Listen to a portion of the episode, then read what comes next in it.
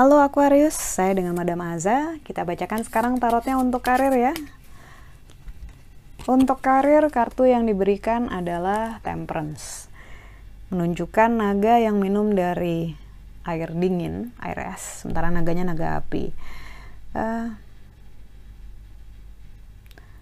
untuk karir dinasehati untuk fokus ke hal-hal yang kamu inginkan, ke hal-hal yang penting-penting saja. Temperance bicara tentang self restraint, kemampuan untuk menahan diri gitu ya. Di sini digambarkan naga api yang minum dari air es gitu. Dia tahu takaran yang bagus buat dia, dia tahu harus minum dari sumber air yang seperti apa dan tahu untuk tidak minum uh, dari secukupnya yang dibutuhkan. So untuk karir fokus ke hal-hal yang kamu inginkan saja, fokus ke hal-hal yang penting, gak usah perhatiin hal-hal yang lainnya. Kalau misalnya ada yang uh, distract ataupun ganggu kamu, ingatlah bahwa yang kamu perlukan sekarang bukan distraction gitu.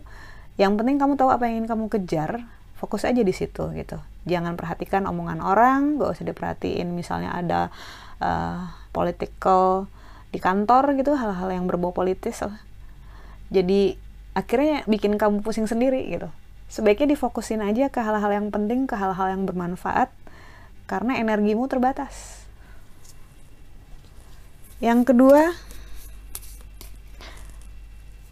untuk percintaan kartu yang diberikan adalah kartu desan udah pada hafal kali ya kartu desan ini adalah kartu yang paling hangat paling bagus naga yang sedang terbang di langit dengan di belakangnya ada matahari bersinar cerah. Ini menunjukkan dalam hal percintaan sama seperti ini. Langit biru, matahari cerah gitu, naganya lagi terbang asik jalan-jalan sore dia. So menunjukkan percintaan bagus sesuai dengan harapan hangat, jadi tidak usah khawatir, silahkan dinikmati. Kita aminkan saja. Kartu nasihat Kartu The Star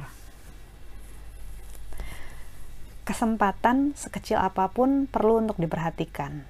Tidak tidak semua kesempatan perlu diambil, tapi dari kesempatan-kesempatan yang datang kita jadi paham sebenarnya pattern ataupun pola kita itu seperti apa. Ke depannya hal ini akan membawa hal yang bagus buat kamu saat kamu bisa memahami dari kesempatan-kesempatan itu kamu bisa ngambil apa gitu mana yang harusnya dilepas mana yang harusnya kamu kejar karena ibaratnya kamu sedang menanam bibit gitu ya nggak cukup cuma satu dua bibit yang kamu tanam. Harus banyak supaya nanti panennya juga banyak. Sekian bacaannya. Terima kasih. Jangan lupa untuk subscribe like dan share